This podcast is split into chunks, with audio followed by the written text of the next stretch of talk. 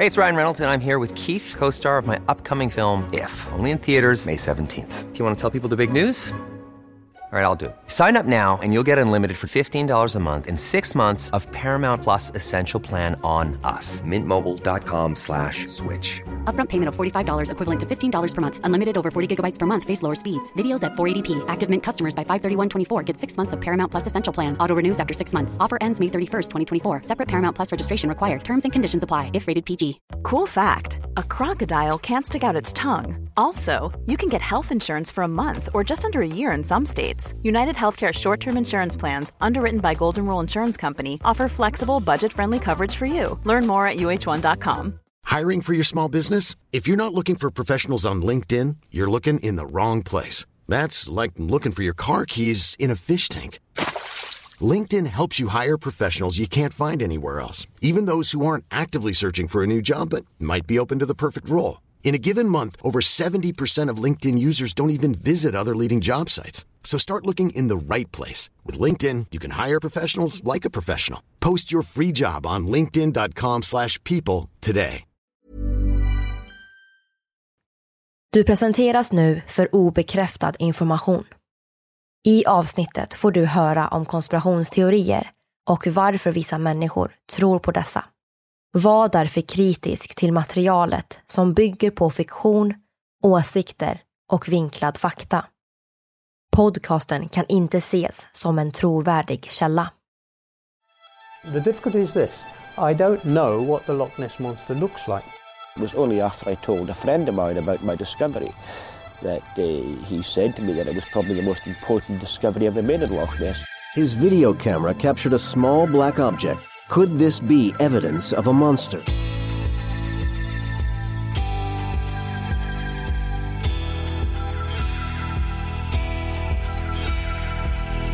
Det här är podden för dig som är intresserad av en annan version av verkligheten.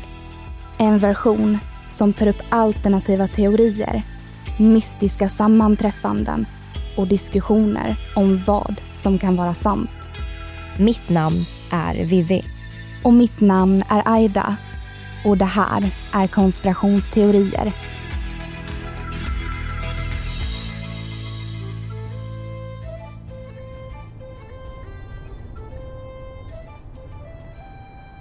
Den 22 juli 1933 bjuder norra Skottland på vackert väder. Mr och Mrs Spicer, som är på en romantisk bilsemester, bestämmer sig för att spendera eftermiddagen med att utforska det skotska höglandet. Paret bor egentligen i London men har äntligen funnit tid för den efterlängtade semestern. I norra Skottland finns magnifika slott och historiska platser och paret beskådar många vackra sjöar, fjordar och dalgångar genom bilen. De passerar Dores, en liten och charmig ort och kör vidare mot Foyers. Bilen susar fram genom det spektakulära landskapet och paret njuter av de vackra vyerna med berg, ängar och sjöar. Ungefär halvvägs mellan Dores och Foyers får Mr och Mrs Spicer syn på något märkligt. Klockan är omkring fyra på eftermiddagen och de befinner sig på östra sidan av Loch Ness, Storbritanniens näst största sjö. Vad i all världen är det där? Utropar Mrs Spicer. Ungefär 200 meter framför bilen rör sig ett gigantiskt mörkgrått djur snabbt över vägen. Det såg ut som att djuret bar på ett lamm i munnen. Mr Spicer spärrar upp ögonen och trycker i all spänning hårdare på gaspedalen.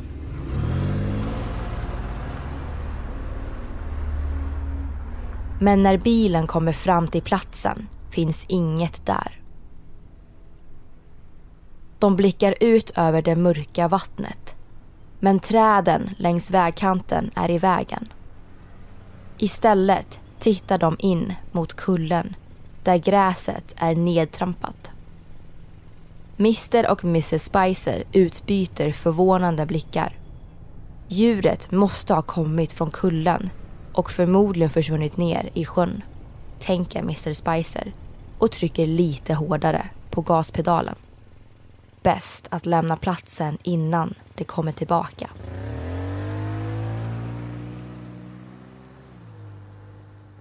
Även om de bara hann se djuret i några sekunder så kan varken Mr eller Mrs Spicer släppa den hemska synen av djuret. De har aldrig någonsin tidigare sett ett land eller vattendjur i den här storleken. Kroppen måste vara minst en och en halv meter hög och åtta meter lång. Och den där långa, smala halsen påminde om en slags orm eller kanske en drake. Men hur kunde ett sånt stort djur inte lämna efter sig ett plask eller en enda ring på vattnet? Till slut får paret syn på en man som vandrar längs vägen. Mr Spicer stannar bilen och de berättar ivrigt om det de just bevittnat vid sjön. Mannen lyssnar spänt på historien men blir inte alls rädd när Mr och Mrs Spicer berättar hur stor djuret var och hur snabbt det rörde sig ner i vattnet. Han blir snarare väldigt förvånad. Har ni inte hört talas om Loch Ness-odjuret? Mr och Mrs Spicer är inte de enda som har sett en stor varelse i sjön Loch Ness. Efter 1933 har det inkommit många liknande iakttagelser. Men det mytomspunna sjöodjuret har lyst med sin frånvaro. Många har försökt lösa mysteriet. Men än så länge har ingen lyckats komma med tillräckligt övertygande bevis. Finns det verkligen ett sjömonster som döljer sig i djupet? Eller gömmer Loch Ness kanske andra hemligheter? Det ska vi prata om idag när vi ska diskutera en konspirationsteori om det mytomspunna Loch Ness-odjuret.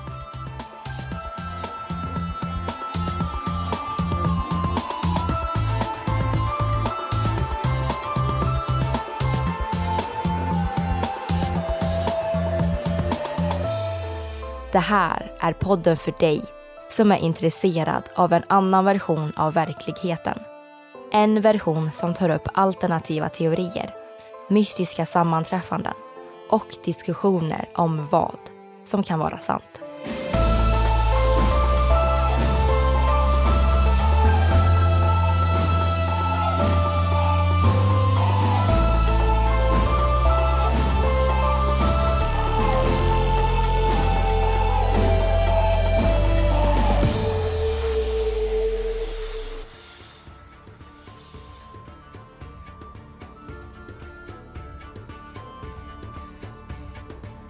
Det finns mycket vi inte vet om vår värld. Oförklarliga fenomen och mystiska platser har fascinerat människor sedan urminnes tider. Skottlands näst största och näst djupaste sjö, Loch Ness, är inget undantag. I ungefär 1500 år har det pratats om att sjön är hem åt ett av världens kanske mest kända monster genom tiderna. Loch Ness och djuret, eller Nessie som hon även kallas. Första gången Loch Ness och djuret omnämns är i verket Sankt Columbas liv från 565 efter Kristus. I handlingen reser den irländska munken Columba till floden Loch Ness när han står på stranden och funderar på hur han ska korsa sjön stöter han på några lokala invånare. Mannen berättar att de håller på att begrava deras vän som har attackerats av ett enormt vattendjur i sjön. Sankt Columba lyckas mirakulöst återbliva mannen och ber sin följeslagare Burlunge Mokumin att simma över till andra sidan för att hämta en båt. Det dröjer inte länge innan det enorma sjöodjuret syns ovan vattenytan. När monstret närmar sig Mokkumin blir männen på stranden panikslagna. Men Sankt Columba behåller lugnet och gör korsets tecken. Samtidigt som han ropar åt monstret att inte röra mannen och lämna på en gång. Vattendjuret stannar plötsligt upp och försvinner ner i djupet. Och Mokumin kan simma till båten och paddla över till stranden. In stories like Jules Verne's Journey to the Center of the Earth and Sir Arthur Conan Doyle's The Lost World. Both of these books are about the discovery of secret worlds on Earth, worlds where ancient life has been preserved.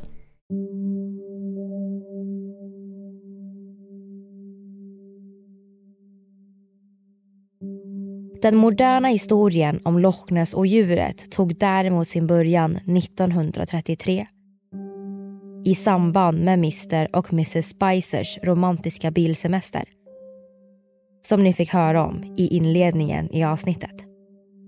Det blev ett slags startskott för historien vi kommer berätta för er idag. Den bilväg paret Spicer åkte byggdes nämligen i början av 1933 och därefter ökade antalet observationer av monstret rejält. När paret kom hem till London skrev Mr Spicer snabbt ihop ett brev till lokaltidningen där han frågade om någon hade svar på vilket djur han och hans fru sett i sjön.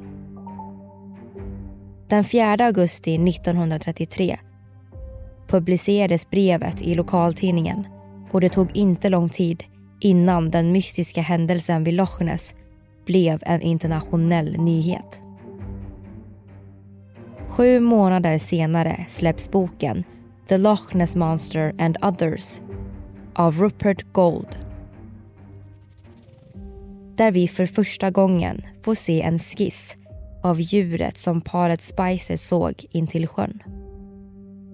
Även om djuret kanske mer liknar en stor snigel än en orm eller drake så är Mr och Mrs Spices iakttagelser av det mytomspunna sjöodjuret bara en av otroligt många. Det har nämligen tisslats och tasslats om ett mystiskt sjöodjur i flera hundra år.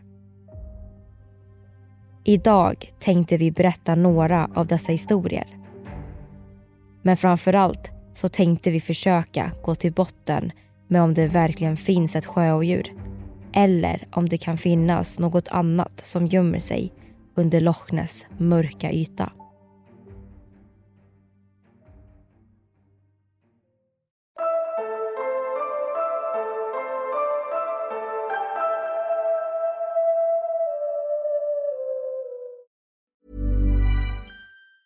Hey, it's Ryan Reynolds, and I'm here with Keith, co star of my upcoming film, If, only in theaters, May 17th. Do you want to tell people the big news? All right, I'll do it. Sign up now and you'll get unlimited for $15 a month in six months of Paramount Plus Essential Plan on us. Mintmobile.com slash switch. Upfront payment of $45 equivalent to $15 per month. Unlimited over 40 gigabytes per month. Face lower speeds. Videos at 480p. Active Mint customers by 531.24 get six months of Paramount Plus Essential Plan. Auto renews after six months. Offer ends May 31st, 2024. Separate Paramount Plus registration required. Terms and conditions apply if rated PG. If you're looking for plump lips that last, you need to know about Juvederm Lip Fillers. With Juvederm Volbella XC and Juvederm Ultra XC, your lip look, whether it's subtle or bold, can last up to one full year with optimal treatment and no additional maintenance. Find a licensed specialist and see if it's right for you at juvederm.com today. That's J U V E D E R M.com. Add fullness to lips in adults over 21 with Juvederm Volbella XC or Juvederm Ultra XC. Do not use if you have severe allergies or a history of severe allergic reactions, or if you're allergic to lidocaine or the proteins used in Juvederm. Tell your doctor if you have a history of scarring or taking medicines that decrease the body's immune response or that can prolong bleeding. Common side effects include injection site redness, swelling, pain, tenderness, firmness, lumps, bumps, bruising, discoloration, or itching. As with all fillers, there's a rare risk of unintentional injection into a blood vessel, which can cause vision abnormalities, blindness, stroke, temporary scabs, or scarring.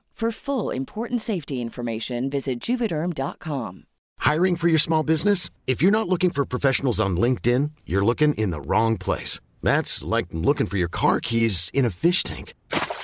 LinkedIn helps you hire professionals you can't find anywhere else, even those who aren't actively searching for a new job but might be open to the perfect role. In a given month, over 70% of LinkedIn users don't even visit other leading job sites. So start looking in the right place. With LinkedIn, you can hire professionals like a professional. Post your free job on linkedin.com slash people today.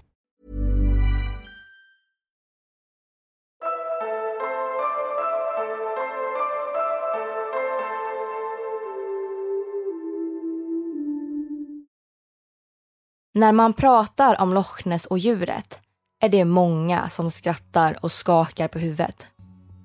Det finns ju inga mystiska sjöodjur. Eller? Ett sjöodjur kan definieras som en mystisk varelse vars existens inte är bekräftad. Nicknamed Nessie, the rumored creature is most often described with a small head on a long, sinuous neck, with a thick body, seal like flippers, and a long tail. It almost looks prehistoric. Water dwelling monsters have long been established in Scottish folklore. Scottish legends include such water beasts as giant flesh eating waterfowl, the shape shifting water horse, and the nine eyed eel. Så den första och kanske mest relevanta frågan vi kan ställa oss i dagens avsnitt är såklart om det verkligen finns sjöodjur. Svaret på den frågan lutar kanske mer mot ett nej för många. Men vad säger ni lyssnare? För att kunna få svar på om det faktiskt finns ett sjödjur i Loch Ness så måste vi först och främst definiera vad ett sjöodjur som Nessie i så fall skulle kunna vara. Är hon en drake eller ett monster? Eller kan hon vara en dinosaurie? Eller bara kanske en ål?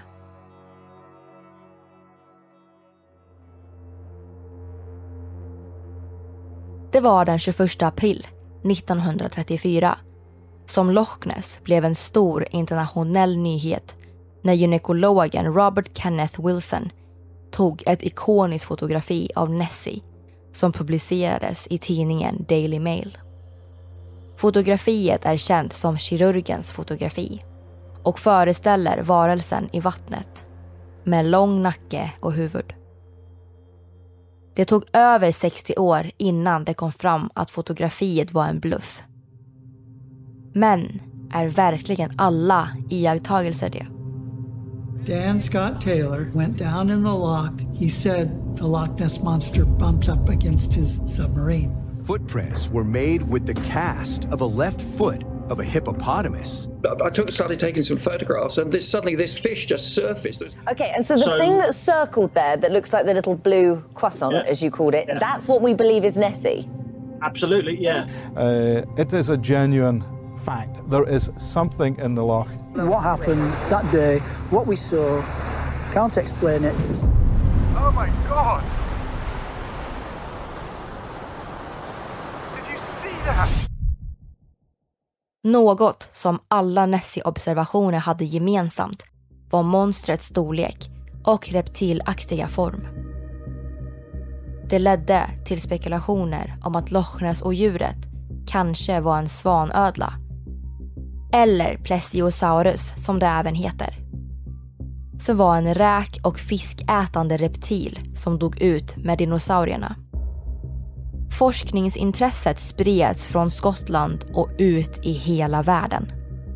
För att det skulle kunna vara möjligt att Nessie är en svanödla så måste Loch Ness vara en mycket gammal sjö.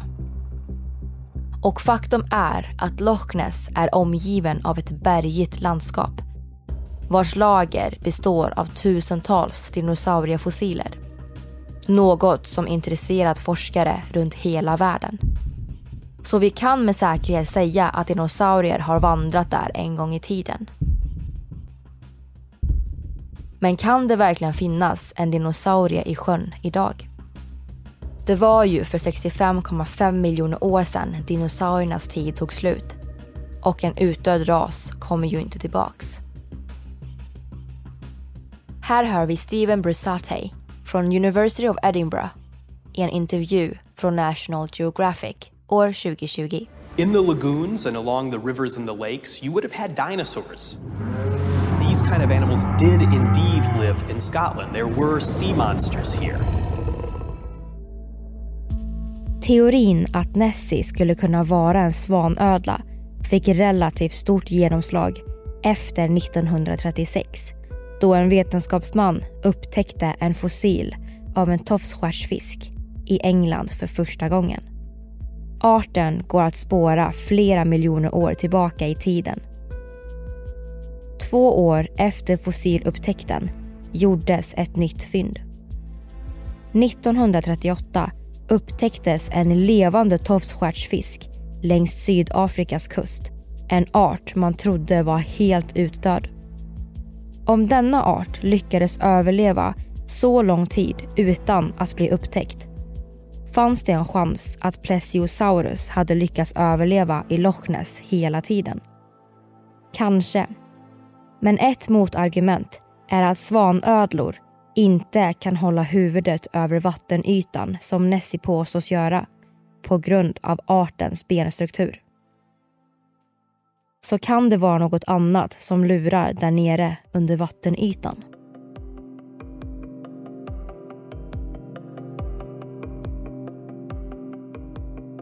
På en global skala är Loch Ness inte direkt stor. Men sjön är Storbritanniens näst största. Med en längd på 35 kilometer, en bredd på ungefär 1,5 kilometer och ett djup på 227 meter har Loch Ness ett vackert men också ett mörkt och mystiskt utseende. Sjön ser ut som ett stort gap i det skotska höglandet. Sjön är för djup för dykare men det har gjorts några upptäcktsresor med ubåt i det kalla och mörka vattnet. Intresset för Loch Ness-monstret har inte direkt minskat med tiden och 2003 finansierade den brittiska statstelevisionen BBC en genomsökning av Loch Ness. Dokumentärfilmen Searching for the Loch Ness Monster släpptes på BBC One samma år. För att verkligen lyckas upptäcka monstret och varenda dold vrå av sjön så användes satellitnavigeringsteknik och 600 ekolodstrålar. Men ombord sökbåten syntes inget på radarn. Även om de kanske hoppades att det skulle dyka upp en ekolodsavvikelse. Mysteriet med Loch Ness och djuret blev återigen utan svar vilket lockade ett forskarteam från Nya Zeeland att ta sig an gåtan 2019. In two days I get on a plane and I'm going to Loch Ness and I'm going to start a new project using environmental DNA technologies to look for evidence of uh, what lives in Loch Ness and uh, we might even find a monster. Forskarteamet ville inventera vilka arter som fanns i sjön. Vilket de gjorde genom att ta vattenprover från olika delar av Loch Ness. Eftersom alla organismer lämnar spår i omgivningen så kunde resultatet hjälpa till att svara på vilket slags monster som skulle kunna bo där. Målet med undersökningen var inte direkt att försöka hitta Nessie utan främst för att lära sig mer om djurlivet i sjön. Materialet analyserades av forskarteamet från Nya Zeeland med biologen Neil Gemmel från Otago University i spetsen. I artikeln Loch Ness berättar om mer än bara odjur. I Hallands Nyheter, skriven av Rickard Böme, kan vi läsa om hur forskningsteamet gick tillväga. Metoden de använde gick ut på att samla in e-DNA, eller environmental DNA från sjön. Som enkelt förklarat är DNA som organismer utsöndrat och som finns i omgivningen. Resultatet från vattenproverna visar att det inte fanns något ovanligt sjömonster i Loch Ness. Och de hittade inte heller spår från hajar, krokodiler eller andra stora djur. Men det man fann var att sjön har en stor artrikedom med ungefär 3000 olika arter. Every single sampling site that we went to pretty much had eels. Um, and the sheer volume of it was a bit of a surprise. Now, is it possible that what people are seeing is a giant eel, Well, maybe. Normally, eels would migrate to the sea to spawn and then they die. Genom tekniken har forskare alltså öppnat upp tanken för att Nessie skulle kunna vara en gigantisk ål. Biologen Neil Gamble menar att en del ålar kan stannat kvar och växt till extrema storlekar. Kan det kanske förklara mysteriet vid Loch Ness? I don't think so. No? Eels don't have legs. If she's large and I can see her, what difference does it make? It's what's in your mind.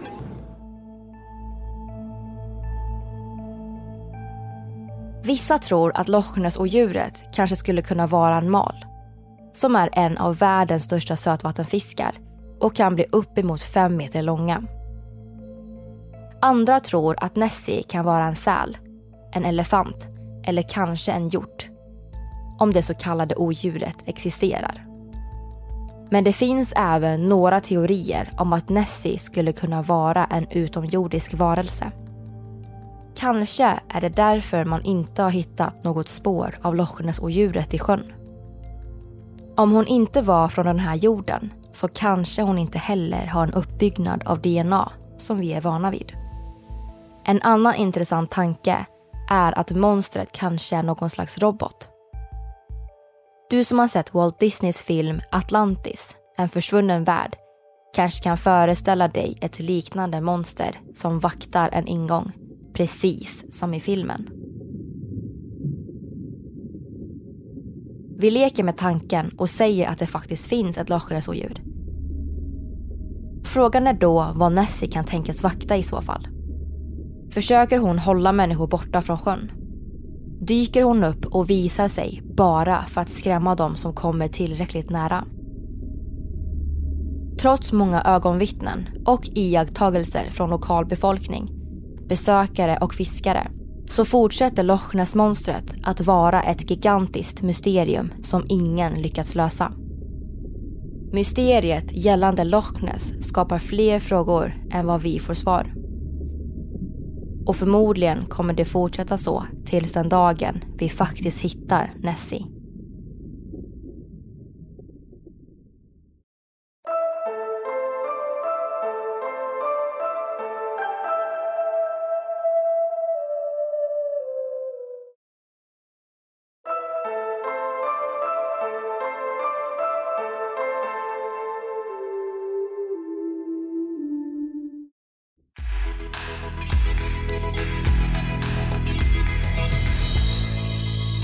Allihopa och välkomna till första avsnittet av den här säsongen. Mitt namn är Vivi. Och mitt namn är Aida. Och vi tänker faktiskt att vi ska börja den här diskussionen med att gå in på det vi alla känner igen, vilket är fotografiet på sjöodjuret Nessie. Det här fotografiet heter ju då kirurgens fotografi och är taget år 1934.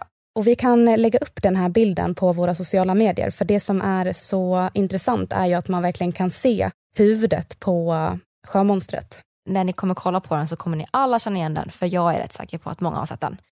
Men det är ju nämligen så att det här fotografiet är falskt.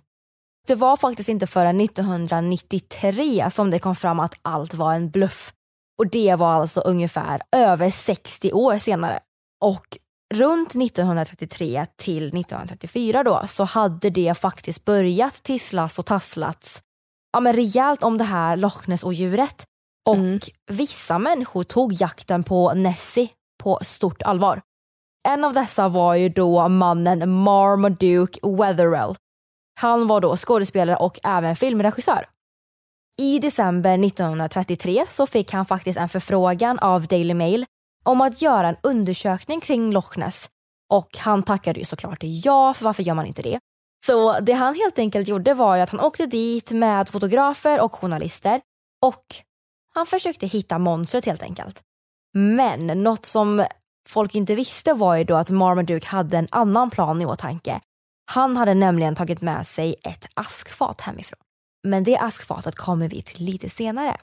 Så redan dag två så gjordes en väldigt stor upptäckt och det var ju då att de hade funnit ett fotspår.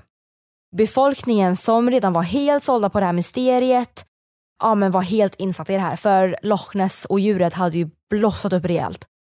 Så folk gick runt och var helt oh, wow, wow, vad hände liksom?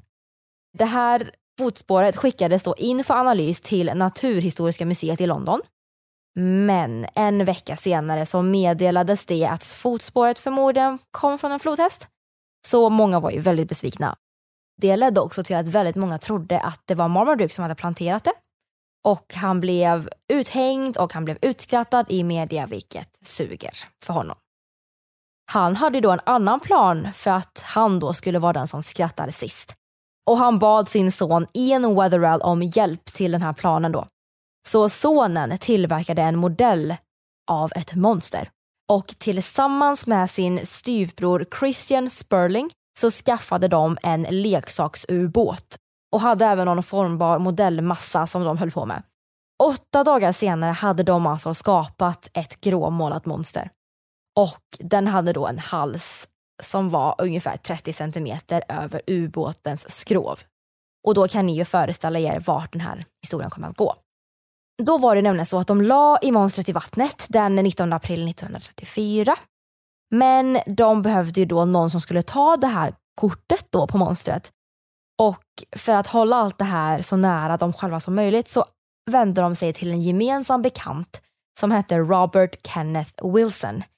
Han var ju då läkare så att då tänkte man, men vet ni vad, han har ju väldigt hög trovärdighet för han är ju läkare och alla litar på läkare. Men Robert Kenneth Wilson valde ju då faktiskt att inte ha med sitt namn. Så därav kom namnet kirurgens fotografi för att varför skulle han vilja ha sitt namn? Och det här sänkte ju då såklart trovärdigheten, vilket inte är så konstigt. Och hade jag varit en läkare så hade jag inte heller velat använda mitt riktiga namn. Och som ni alla kan föreställa er så blev ju den här bilden världskänd och den såldes till många tidningar. Även om det innebar ingen vinst för dem så var ju de hur glada som helst för att de hade ju nu lyckats med en av de största bluffarna de någonsin gjort. Mm. Ja. Det var ju inte förrän, ja, men som vi sa, 60 år senare som man faktiskt hittade det här underliga askfatet som han hade. Och då visade det sig att han hade använt det här askfatet för att göra fotspår av monstret då som då såg ut som flodhästfotspår. Och det här askfatet hittades ju bland Marmadukes tillhörigheter. Ja, vilken rolig historia, vilken rolig eh, bluff de gjorde. Ja, den blev ju världskänd och det som är så roligt är ju att alla vet ju vad Loch Ness och djuret är. Mm. Men vad tror vi om alla de här iakttagelserna då? Kan det vara ett monster eller vad säger du? Vi vet ju om att fotografiet är förfalskat men vi har ju inte fått någon bekräftelse om odjuret faktiskt finns där eller inte. Inte hundra procent skulle jag säga. Någonting som är väldigt roligt från just den här berättelsen kring kirurgens fotografi då är ju faktiskt att media har en otroligt stor påverkan på oss. Och när det här skickades ut i tidningar så trodde ju alla på det här. Och media har ju påverkat det här väldigt mycket. För att i de här olika berättelserna så har det ju förändrats. Från, om, om vi tar den här historien om paret Spicer som vi pratade om i början. I första intervjun då så sa de att det var 50 meter till monstret och därefter ändrades det till 200 i nästa intervju. Varför vet man ju inte riktigt, men det är ju i alla fall ett tecken på att historien har ändrats. Så antingen är det väl kanske av dem eller av media, men media har ju sedan ungefär 30-talet skrivit ut att det har varit ett monster och jag tror verkligen att det påverkar och har påverkat oss idag, att vi verkligen tror att det är ett monster därför att de har skrivit det. Och en annan sak som har stor påverkan är ju monstrets storlek. För att om vi tänker att vi åker på vägen där vid sjön och sen tittar vi ut över vattnet och ser ett monster i vattnet, då påverkas ju storleken på monstret det avståndet som jag har till monstret och även i den hastigheten som jag rör mig. Så om man åker i en bil och sådär så får man ju tänka på att det kommer ju påverka skalan. Men om det skulle vara så att det var ett monster där så är det ju så att man faktiskt har gjort många undersökningar och mätningar av just Loch Ness sjön då. Och vid något tillfälle, rätt nyligen faktiskt, så mätte man upp Loch Ness med djupaste punkten på 270,7 meter. Och det är faktiskt väldigt mycket för tidigare så har man mätt upp den djupast vid ungefär 229,8 meter. Och då kanske det skulle kunna finnas fler diken som gör sjön djupare. Och det tycker jag verkligen är någonting som man typ borde titta vidare på för att det är ju ett perfekt gömställe, tänker jag. Ja men verkligen. Loch Ness är ju inte den enda sjön som finns där kring utan Loch Morar är en sjö som även finns i närheten. Och i den så finns det liknande teorier om ett sjömonster som kallas för Morag. Det är alltså ett av de mest omskrivna monster som finns i Skottland efter Loch Ness-odjuret. Och det har faktiskt inkommit rapporter om det här odjuret sedan år 1887. Och det finns ju även liknande sjömonster och teorier om sjömonster i hela världen. Bland annat ett i Storsjön i Sverige, Storsjöodjuret kallas det. Och sen finns det även andra varianter i bland annat Kina och Kanada. Men det finns verkligen supermånga teorier om sjömonster i Skottlands sjöar och det leder oss in på en teori här om tunnlar. Ja, mina vänner, den här är väldigt intressant. För den här teorin handlar helt enkelt om tunnlar, grottor, diken och andra höjdförändringar som finns i Loch Ness. Teorin menar då att de kan simma eller röra sig under marken mellan dessa sjöar. Och det skulle alltså kunna vara därför Nessie och andra sjömonster inte alltid syns. Då kanske det är så att eh, det här sjöodjuret som alla pratar om i olika sjöar, det kanske är samma sjöodjur. Det skulle ju kunna vara så faktiskt. En förklaring till de här tunnlarna skulle kunna vara att för cirka 490 till 390 miljoner år sedan så kolliderade två kontinenter med varandra. Den ena var nuvarande Nordamerika och den andra kontinenten, Baltika, var den europeiska delen av Ryssland, Baltikum, Skandinaviska halvön och Finland. Och det här bildade då en förkastning som kallas för Great Glen Fault som sträcker sig genom hela Skottland. Och en förkastning är då när bergsmassan har förskjutits på grund av en rörelse, alltså den här kollisionen. Det kan handla om bara några centimeter till flera hundra meter eller tiotals mil. Ja, men om det var någon jordbävning under vattnet då så kanske det har öppnat upp ett dike eller en grotta eller en tunnel eller liknande i den här sjön då. Eftersom att den ligger i den här äh, förkastningen då. Det är inte så troligt att det finns tunnlar där och att de har bevarats så länge. Och det beror mycket på ja, men dels vattnet och dels stenen i äh, berget. Och för 10 000 år sedan så var Great Glen Fault täckt av en stor glaciär, för det här var under den senaste istiden. Så det innebär att Loch Ness och flera andra sjöar var täckta under isen. Så om det då fanns en tunnel där så kanske den ändå inte hade klarat sig då. Och det innebär ju också en annan grej för att då kan inte Nessie vara ett förhistoriskt monster. För om det var ett isblock där, då kan ju inte ett monster ha överlevt. Nej exakt och det stämmer ju eftersom att vi har ju hittat mammutar som har varit ifrusna sen istiden och de har ju inte kommit ut levande för att de är ju döda. Så det är inte så troligt att det finns ett monster. Nej, men en grej som kanske hade kunnat funka är om den här tunneln eller grottan då är som i den här animerade filmen Atlantis. Där så åker de i en ubåt och sen så hittar de någon slags öppning mellan klipporna då som leder in i en tunnel och sedan upp i en slags grotta då där det finns luft. Och den här modellen då blir att likna typ en toalett, om ni fattar. Alltså med att man kommer in och sen blir det ett rum där, där det är luften. Då kan det ju vara en maskin som kanske kommer från Anunnaki. Ja, eller hur? Och det är ju en maskin i Atlantis. Och det kan ju vara därför man inte hittar något spår av DNA. Men om det inte är ett sjömonster, vad skulle det kunna vara då? Det kan ju även vara så att det är elefanter som har simmat i vattnet. Det kan också vara fallna grenar som ligger och flyter i vattnet och att det ser ut som att det är något annat. Det kan vara svanar och det kan vara sälar. Tänk att ni ser två sälar som leker med varandra i vattnet, ja, men en bit bort från er och så. Då kan det ju faktiskt se ut som att monstret sticker upp ur vattenytan på två ställen. Mm, som att den är liksom sådär lång. Ja men exakt. Men det som forskarna är inne på just nu det är ju att det kanske kan röra sig om ålar och framförallt då den här europeiska ålen. En europeisk ål blir ungefär 60 till 80 centimeter lång så att det låter ju inte som vårt monster. Och de här ålarna då, de simmar då från Europa till Sargassohavet och En teori då som Neil Gemmel har, som vi har pratat om tidigare i avsnittet, det är att någon eller några ålar då har stannat kvar i europeiskt vatten, alltså vid Loch Ness och sådär. Och sen växt till extrema storlekar. Jag vet inte om de har muterats på något sätt. Och att det i så fall skulle kunna vara en större ål som är vår, vår Nessie. Åh, oh, vad obehagligt.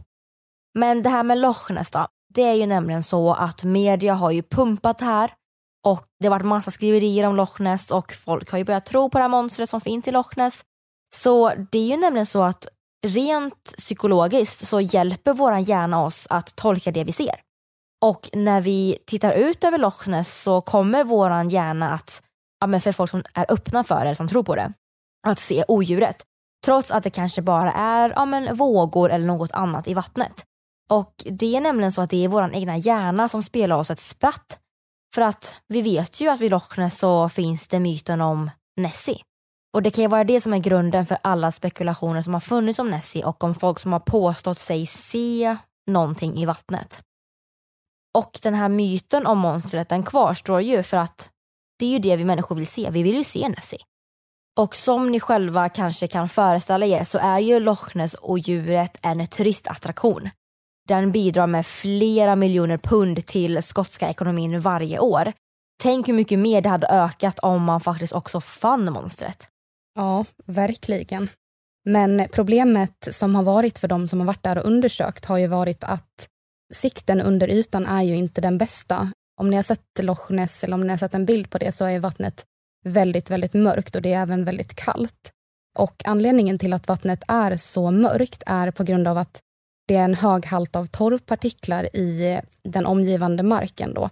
Och det gör att ja, men det blir inte så bra sikt därunder så att det blir inte så lätt att hitta. Men vad händer om vi hittar Nessie då? Jo, 1975 så var det många som argumenterade för att Nessie skulle skyddas om hon hittades då. Och då finns det någonting som heter Conservation of Wild Creatures and Wild Plants Act från 1975 som skyddar djur som hotas då. Men för att få vara med på den här listan då så måste man ha ett formellt namn. Och då fick Loch Ness-monstret namnet Ness Monster with a Diamond Fin. Och 2001 så kom den skotska regeringen med en Code of Practice för vad som skulle hända då om man fann ett Loch Ness-monster. Och 2001 så släppte Nature Scott en Code of Practice och den säger då att man först skulle ta ett DNA-prov av Nessie för att kunna ta reda på vilken art det var. Och därefter så ska man släppa tillbaka monstret i sjön och sen skydda arten från fara. För oavsett om det är ett monster eller inte så ja, men man vill ändå skydda den från alla som vill komma dit och se monstret. För det kan man ju ändå tänka att det kommer komma väldigt många dit. Det kanske inte är ett monster, det kanske bara är ett djur som vi inte har upptäckt än. Kom ihåg också att det är en väldigt, väldigt stor procent vi inte har upptäckt som finns i våra vatten än. Så det kanske bara är ett sött litet djur. Eller nej, sött stort djur måste det ju vara eftersom att den... ja, jag vet inte om det är sött heller. Nej, men den är förmodligen väldigt stor. Men eh, kring den här myten, vad tror vi om den här? Vad tror ni och vad tror du Aida? Jag tycker att den här teorin är jättespännande och jätteintressant, men jag tror inte på det här. Men däremot så tycker jag det är väldigt kul att tänka på varför det skulle finnas ett monster där i just Loch Ness. Finns det någonting hon vaktar där eller no alltså... Ja, du tänker så. Men då kan man ju också ställa frågan varför finns det monster i andra sjöar också? Mm. Existerar de bara där i sjöar? Och varför är man i en liten sjö bara då? När man kan vara i det stora havet. Vem vet, det kanske är sant att de här tunnlarna leder till Atlantis och det är därför de vaktar dem för att ingen ska komma in. Mm, och det finns ju faktiskt några som tror på det här. Och 2019 då så kom det upp ett event på Facebook likt det här med Area 51, att man ville storma Loch Ness. Så titeln på det här eventet var Storma Loch Ness, Nessie kan inte gömma sig från oss alla. Jag vet inte om det blev av, men Men eh, glöm inte att följa oss på Facebook och Instagram där vi heter konspirationsteorier. Alla våra källor hittar ni då enklast via våra sociala medier och det ligger i ett Google kalkylark. Och Aida och jag har faktiskt även skaffat en TikTok där vi tänkte börja prata om konspirationsteorier på ungefär 60 sekunder. Det är väl det högsta man kan göra på TikTok tror jag. Och det tycker vi är lite kul för att det är ju sådana ja, teorier som inte går att ta upp i podden för det finns inte tillräckligt med information om det. Så det har vi för er som kanske inte orkar vänta på en till säsong för det dröjer ju lite mellan varje. Så då får ni jättegärna kika in där och titta om ni vill. Vi heter då Vivi och Aida. Och nästa vecka hörni, då kommer ni få höra den första av tre delar om mysteriet med familjen Romanov, den ryska tsarfamiljen som mördades. Så det får ni verkligen inte missa. Superintressant. Jajamän, så ni får ha en fantastisk helg och så hörs vi nästa vecka. Det gör vi. Hej då! Hej då! Du har lyssnat på Loch Ness och djuret. Avsnittet gjordes våren 2021. Vi som har gjort programmet heter Vivian Lee och Aida Engvall. Tillsammans med redigerare Jenny Olli. Källorna till dagens program hittar du via vår Facebook eller Instagram där vi heter konspirationsteorier. Via våra sociala medier kan du även skicka in tips och önskemål på teorier som du vill höra i podden. Vill du höra fler avsnitt? Besök din poddapp och lyssna på avsnitt som Anunnakis återkomst. These extraterrestrials, the so-called gods, and they pointed up to the sky and said, look, this is our home. New World Order. Basically identifies the federal government uh, as an evil malefactor that is involved in a conspiracy to force the United States uh, into a so-called one world government uh, known as the New World Order. Och mycket mer.